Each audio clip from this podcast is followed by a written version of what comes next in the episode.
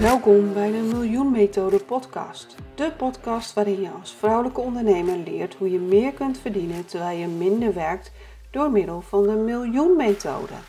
Jouw host is Monika Helbig, financieel succes-expert, auteur en ontwikkelaar van de Miljoen Methode.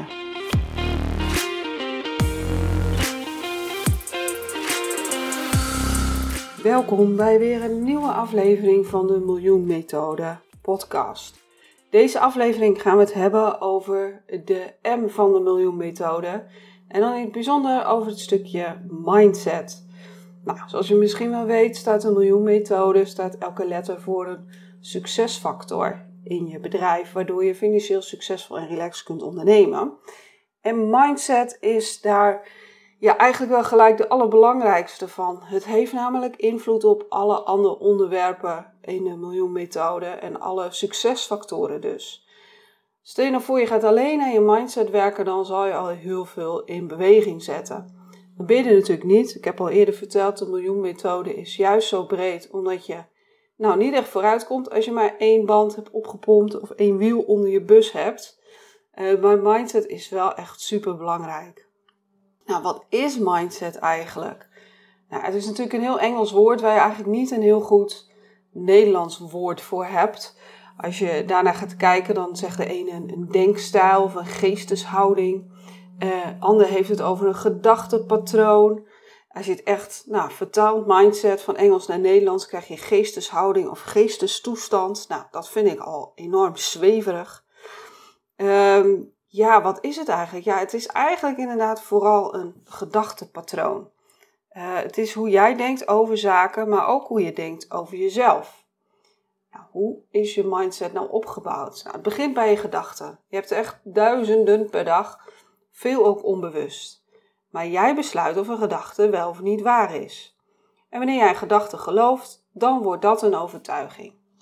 En jouw mindset is een samenstelling van al jouw overtuigingen. Je mindset beïnvloedt je acties, die je wel onderneemt of misschien juist niet. En daardoor beïnvloedt het ook je resultaat. Dus het resultaat wat je haalt is natuurlijk afhankelijk van de actie die je onderneemt. Ja, dat weet je wel. Hierdoor, hierop wordt ook heel vaak nadruk gelegd. Je moet minder snoepen en meer bewegen en dan val je wel af. Je moet meer zichtbaar zijn om de expertstatus te bereiken. Nou ja, soms werkt dat natuurlijk wel, maar vaak ook niet. Want er wordt namelijk voorbij gegaan aan alles wat daaronder ligt. Daardoor is het lastig vol te houden en val je snel weer terug in oud gedrag. En dat zorgt er weer voor dat je overtuiging wordt bevestigd en het nog moeilijker wordt om een volgende keer een andere actie te ondernemen. Je moet het zien als een ijsberg. Daarvan ligt 95% onder water en is onzichtbaar. En de andere 5% is boven water en zichtbaar. Dus boven water zie je je acties en je resultaat. En onder water liggen je overtuigingen en van daaruit komen weer je gedachten en gevoelens. Nou, alleen misschien al dat je weet dat het, je zo, dat het zo werkt, uh, helpt je verder. Sommige mensen vinden zichzelf namelijk een zwakkeling als ze het niet volhouden. Maar er ligt een oorzaak onder. Dus het is belangrijk dat je je daarvan bewust wordt en uh, dat je daaraan werkt. Dus dat je weet welke overtuigingen heb ik. En dat gaat heel breed. Dat gaat natuurlijk gewoon over jezelf. Ehm, maar in de miljoenmethode hebben we natuurlijk ook vooral over jouw overtuigingen over geld. Dus je geldmindset. Um, al jouw overtuigingen over geld. Nou, allereerst is een vraag. Want hoe kom je aan je geldmindset? Nou, begin eens met een verhaal. Je bent zes jaar oud en dit is de dag waarop je al het hele jaar gewacht hebt. Het is half november winderig, koud en het regent. Maar jij voelt het allemaal niet, want jouw blik is gericht op de horizon. Waar blijft hij nou? Hij zou hier al een half uur geleden zijn. Ja, ja, je ziet hem, daar komt hij. De rest ziet hem ook en iedereen begint te zingen. Daar is pakjesboot 12 met Sinterklaas, de Pieten en alle cadeautjes. De komende weken worden een fantastische tijd. Veel cadeautjes en lekkers met als uitsmijter pakjesavond op 5 december. Dan komt Sinterklaas met zijn Pieter cadeautjes brengen. Misschien een beetje een raar verhaal, maar ja, toen we jong waren, waren we er allemaal van overtuigd dat Sinterklaas bestond. Je ouders en anderen vertelden je over Sinterklaas. Je zag hem overal en je hebt hem zelfs persoonlijk ontmoet. Nou, dat bleek toch wel even anders te liggen. Dit klinkt misschien gek, maar het is echt een mooi voorbeeld van hoe, hoe je overtuigd van iets kunt zijn wat niet waar is. En ja, ook als volwassene gebeurt dit. De meeste overtuigingen komen voort uit je jeugd. Je bent als het ware geprogrammeerd door je ouders, je omgeving, je school. Uh, dat gaat op een paar manieren. Er wordt je dingen verteld. Bijvoorbeeld, uh, je moet hard werken om rijk te zijn, of het geld groeit me niet op de rug. Dat kunnen we niet betalen. Geld is niet belangrijk, geld maakt niet gelukkig. Nou, er zijn heel veel verschillende dingen die jij gehoord kan hebben. Maar ook het gedrag van anderen, vooral met je ouders. Zo gedroegen je ouders zich met geld. Konden ze goed met geld omgaan of juist niet? Was het thuis, was geld een issue? Was er misschien ruzie over of juist vreugde? Heb je zelf geleerd om met geld om te gaan? En waren er verschillen in je omgeving over met geld? Was er genoeg geld ook? Maar ook de gebeurtenissen, wat heb je zelf gemaakt op, uh, op geldgebied? Was er thuis misschien altijd ruzie over geld? Mocht je niet op sportles of muziekles om het geld? Heb je misschien zelf schulden gehad? Nou, het resultaat van deze programmering kan zijn dat je exact hetzelfde doet, maar ook dat je juist dat je er tegen verzet en dat je precies het andersom gaat doen. Iemand vertelde eens een verhaal over twee zoons van een criminele vader. De ene zoon was ook crimineel en zei: Ja, wat had je dan verwacht? Mijn vader is crimineel en ik dus ook. En de andere zoon was geen crimineel. En zei, hij zei: Wat had je verwacht? Mijn vader is crimineel en ik dus niet. Nou, wat is jouw geldmindset? Iedereen heeft zijn eigen unieke geldmindset. Zelfs bij broers en zussen die in dezelfde omstandigheden zijn opgegroeid, is deze verschillend. Het is belangrijk om inzicht te krijgen in jouw geldmindset en wat dat met je leven tot nu toe heeft gedaan. Bewustwording is namelijk stap 1 in het proces om beperkende overtuigingen om te zetten naar helpende overtuigingen. En begrip is stap nummer 2. Dus schrijf eens alle beweringen op die je tijdens je jeugd hebt gehoord over geld, rijkdom en rijke mensen. En denk na over de gewoonten en manieren van het leven van je ouders over geld en rijkdom. Schrijf deze op en kijk ook eens of jij hetzelfde doet of juist het tegenovergestelde. En schrijf eens op jouw eerste ervaringen op geldgebied. Begin in je jeugd en werk dan verder naar, naar dit. Kijk naar alles wat je hebt opgeschreven. Welke invloed heeft dit gehad op je financiële leven tot nu toe? Heeft het pijn of juist plezier veroorzaakt? Schrijf ook dat weer op.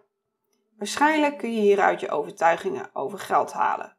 Om je te helpen uh, heb ik een lijst gemaakt die ik op mijn website zal plaatsen.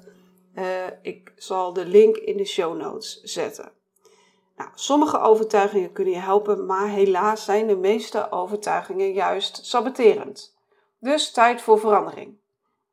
Nou, hoe verander je nu je geldmindset? Wanneer je overtuiging over geld je financiële succes saboteren, is het tijd om ermee aan de slag te gaan.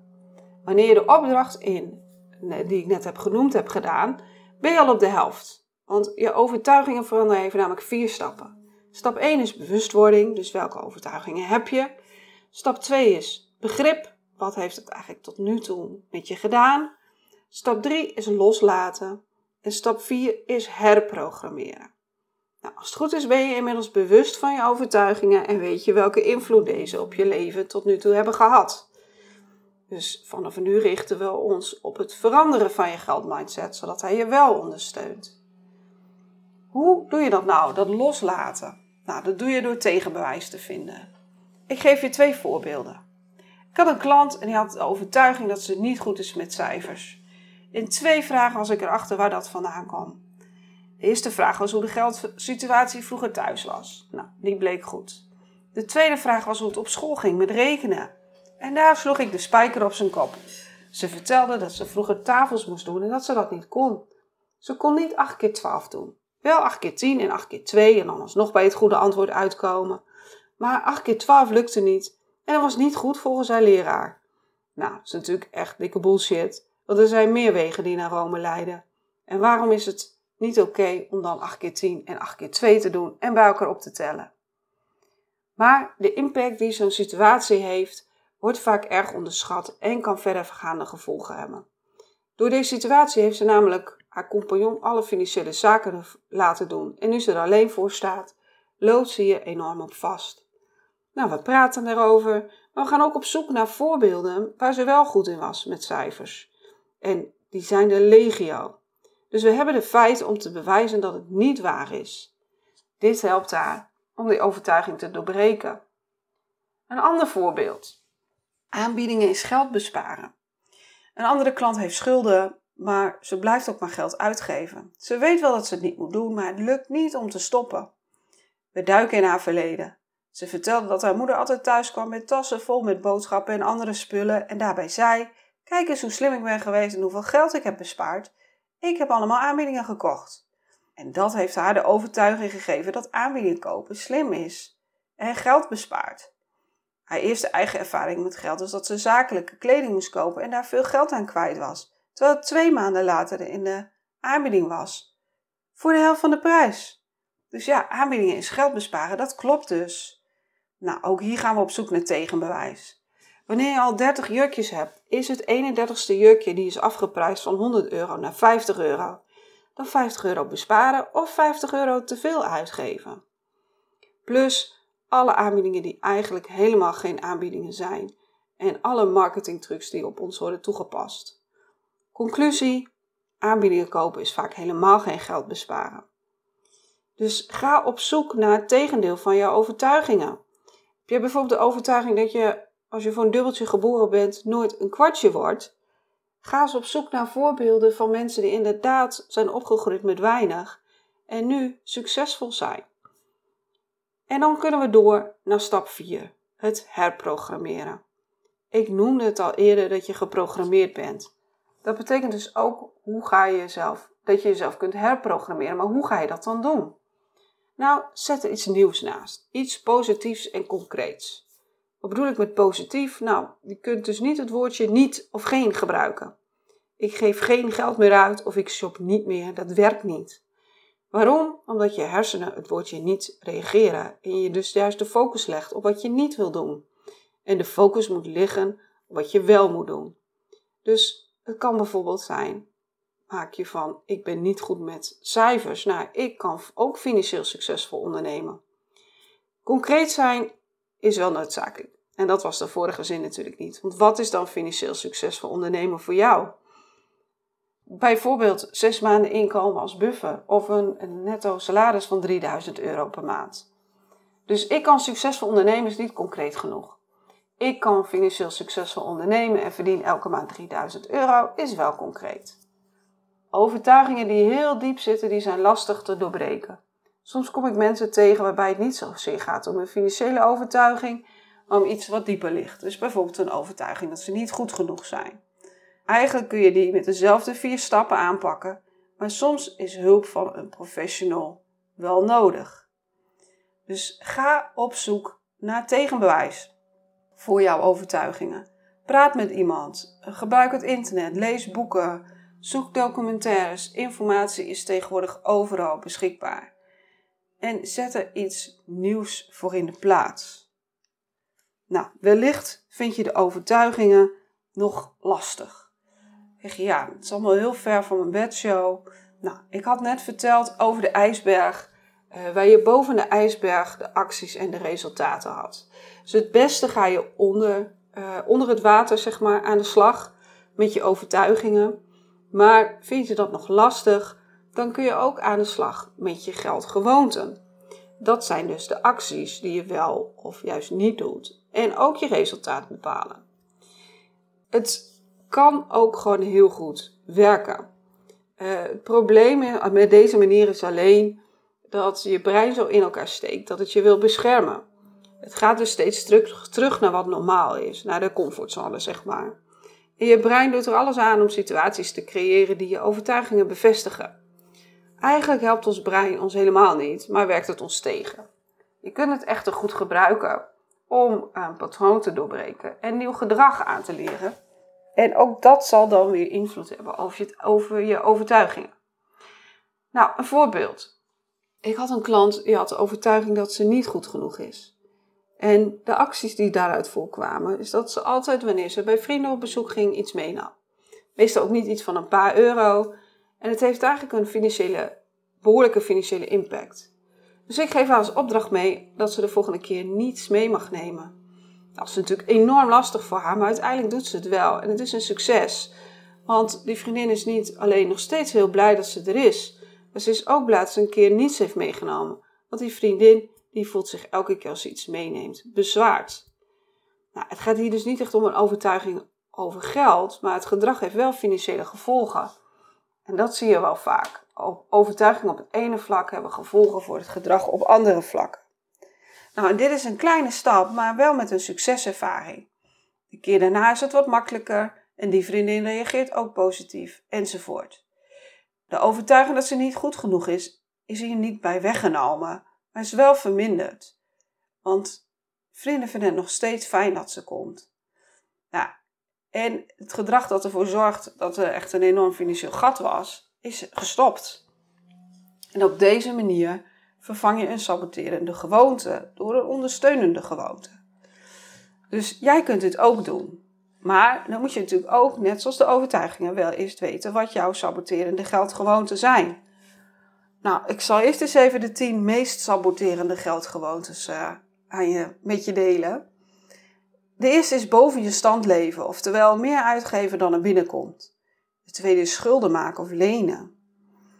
De derde, advies volgen van de verkeerde mensen. zijn vaak mensen zonder kennis of mensen met andere motieven, zoals er zelf geld aan verdienen. Je uitgaven verhogen zodra je inkomsten omhoog gaan. Niet sparen. Zelf geen kennis opdoen over geld en blind advies aannemen van anderen. Niet onderhandelen, ook een slechte geldgewoonte. Niet vragen wat je waard bent, zo dat zie ik zo vaak. Je tijd voor doen en je geld niet beheren of managen. Nou ja, wil je weten welke saboterende geldgewoonte je hebt? Ook daarvoor zet ik in de show notes weer een linkje naar een lijst die je kunt vinden. En ja, probeer de overtuiging achter de gewoonte te vinden. Bijvoorbeeld, als je je geld niet managt, kan de overtuiging zijn dat je geld niet belangrijk vindt of dat je denkt dat je niet goed bent met geld. Nou, en ook je saboterende geldgewoonte kun je aanpakken. Uh, pak de oude gewoonte. Uh, bijvoorbeeld, je geeft maandelijks veel geld uit aan kleding. En de nieuwe gewoonte wordt, of je gaat nog maar twee keer per jaar op pad met een personal shopper. Of je moet minimaal 24 uur nadenken over het aankopen van een nieuw kledingstuk. Of je berekent hoeveel uur je voor nieuwe kleding moet werken. Of je gaat met een kledingbudget werken, etcetera, etcetera. Nou, hoe weet ik nu dat dit werkt? Omdat ik hier zelf ook heel hard mee bezig ben geweest. Um, ik had vanuit mijn jeugd, ik ben opgegroeid met weinig, had ik de overtuiging meegekregen dat um, geld schaars is. Aan het begin van de maand waren we altijd nog redelijk rijk. Uh, nou, gedurende de maand werd het steeds minder. Het eind van de maand raakten de kasten wat meer leeg. En um, kregen we op een gegeven moment steeds minder, hadden we steeds minder te besteden. Ik wilde heel graag op dansles, maar dat konden we niet betalen. Nou, enzovoort, enzovoort. Um, dus van daaruit werd ook nooit gepraat over geld. En ik kreeg echt de overtuiging dat geld schaars was. Nou, dat wist ik op dat moment nog niet. Maar je kon het wel zien aan mijn gedrag. Want wat gebeurde er ook bij mijzelf? Dat zodra ik mijn geld binnenkreeg, dan uh, gaf ik het uit. Want ja, straks is het op. Maar ja, daarmee veroorzaakte ik natuurlijk eigenlijk alleen maar zelf de schaarste. En ik was eigenlijk, ja, ik wilde het graag heel anders doen als mijn ouders. En ik zag er ook inderdaad wel voor dat ik meer verdiende. En dat ik altijd wel een beetje spaargeld had. Maar ja, uiteindelijk was ik ook de eerste twee weken van de maand rijk en de laatste twee weken van de maand arm. En dat gaf me heel veel onrust. En vooral ook toen ik begon met het ondernemerschap, vond ik het super lastig om te investeren. Want ja, uh, straks is het geld op en ik uh, moet toch geld achter de hand houden. Want nou ja, het ondernemerschap is onzeker en ook financieel natuurlijk heel erg onzeker. Nou ja, tot ik er dus achter kwam dat ik die overtuiging had. Uh, en toen ben ik ook op zoek gegaan ja, van klopt het? Ben ik ooit echt zonder geld geweest? Uh, of is er eigenlijk altijd wel ergens geld. En in Nederland heb je natuurlijk ook gewoon nog een heel mooi sociaal zekerheidssysteem. Dus je komt nooit echt zonder geld te zitten. Dat plus wat voor mijzelf gewoon heel goed werkt, is dat ik financiële overzichten maak. Dus dat ik precies ga opschrijven wat erin komt, wat eruit gaat. En op basis daarvan kan ik dan um, goed zien van ja, is het geld echt schaars of niet? En 9 van de 10 keer, ik heb zelfs wel eens een berekening gemaakt. Wat zou er gebeuren als ik uh, van een bijstandsuitkering moet leven? Nou, dan zou er nog steeds best heel veel kunnen. Dus ja, je maakt het soms ook erger in je hoofd als dat het is. En sindsdien, ja, ik geef nog steeds natuurlijk niet uh, onbedacht geld uit. Maar ik ben wel veel relaxter uh, met geld uitgeven. En ik weet ook dat waar ik geld uitgeef, dat het ook weer terugkomt. Nou, ik hoop je in deze podcast wat meer inzicht te hebben gegeven over geldmindset, geldgewoontes, hoe het allemaal werkt en hoe je daarmee aan de slag zou kunnen gaan. Nou, in de show notes vind je dus de link waar je de lijsten kunt downloaden om te kijken welke overtuigingen en welke saboterende geldgewoontes jij hebt. Uh, ga mee aan de slag en uh, ja, kan ik nog iets voor je doen? Je weet me te vinden. Bedankt voor het luisteren naar de Miljoen Methode podcast. Ik hoop dat ik je weer heb kunnen inspireren. Wil je niks missen? Abonneer je dan op mijn podcast. Dat doe je door te klikken op de abonneerknop in je podcast-app. Ik zou heel dankbaar zijn wanneer je ook een review kunt achterlaten. En delen van deze podcast met een andere vrouwelijke ondernemer waardeer ik ook zeer. Mijn missie is om vrouwen financieel succesvol en relaxed te laten ondernemen. Wil je meer weten over mij, mijn boek kopen of samenwerken met mij? Ga naar www.demiljoenmethode.nl. Daar kun je ook een gratis financieel succes doorbraaksessie boeken. Je mag me ook altijd een berichtje sturen wanneer je een inzicht hebt gekregen of een vraag hebt. Stuur een mail naar info@demiljoenmethode of stuur me een bericht via LinkedIn.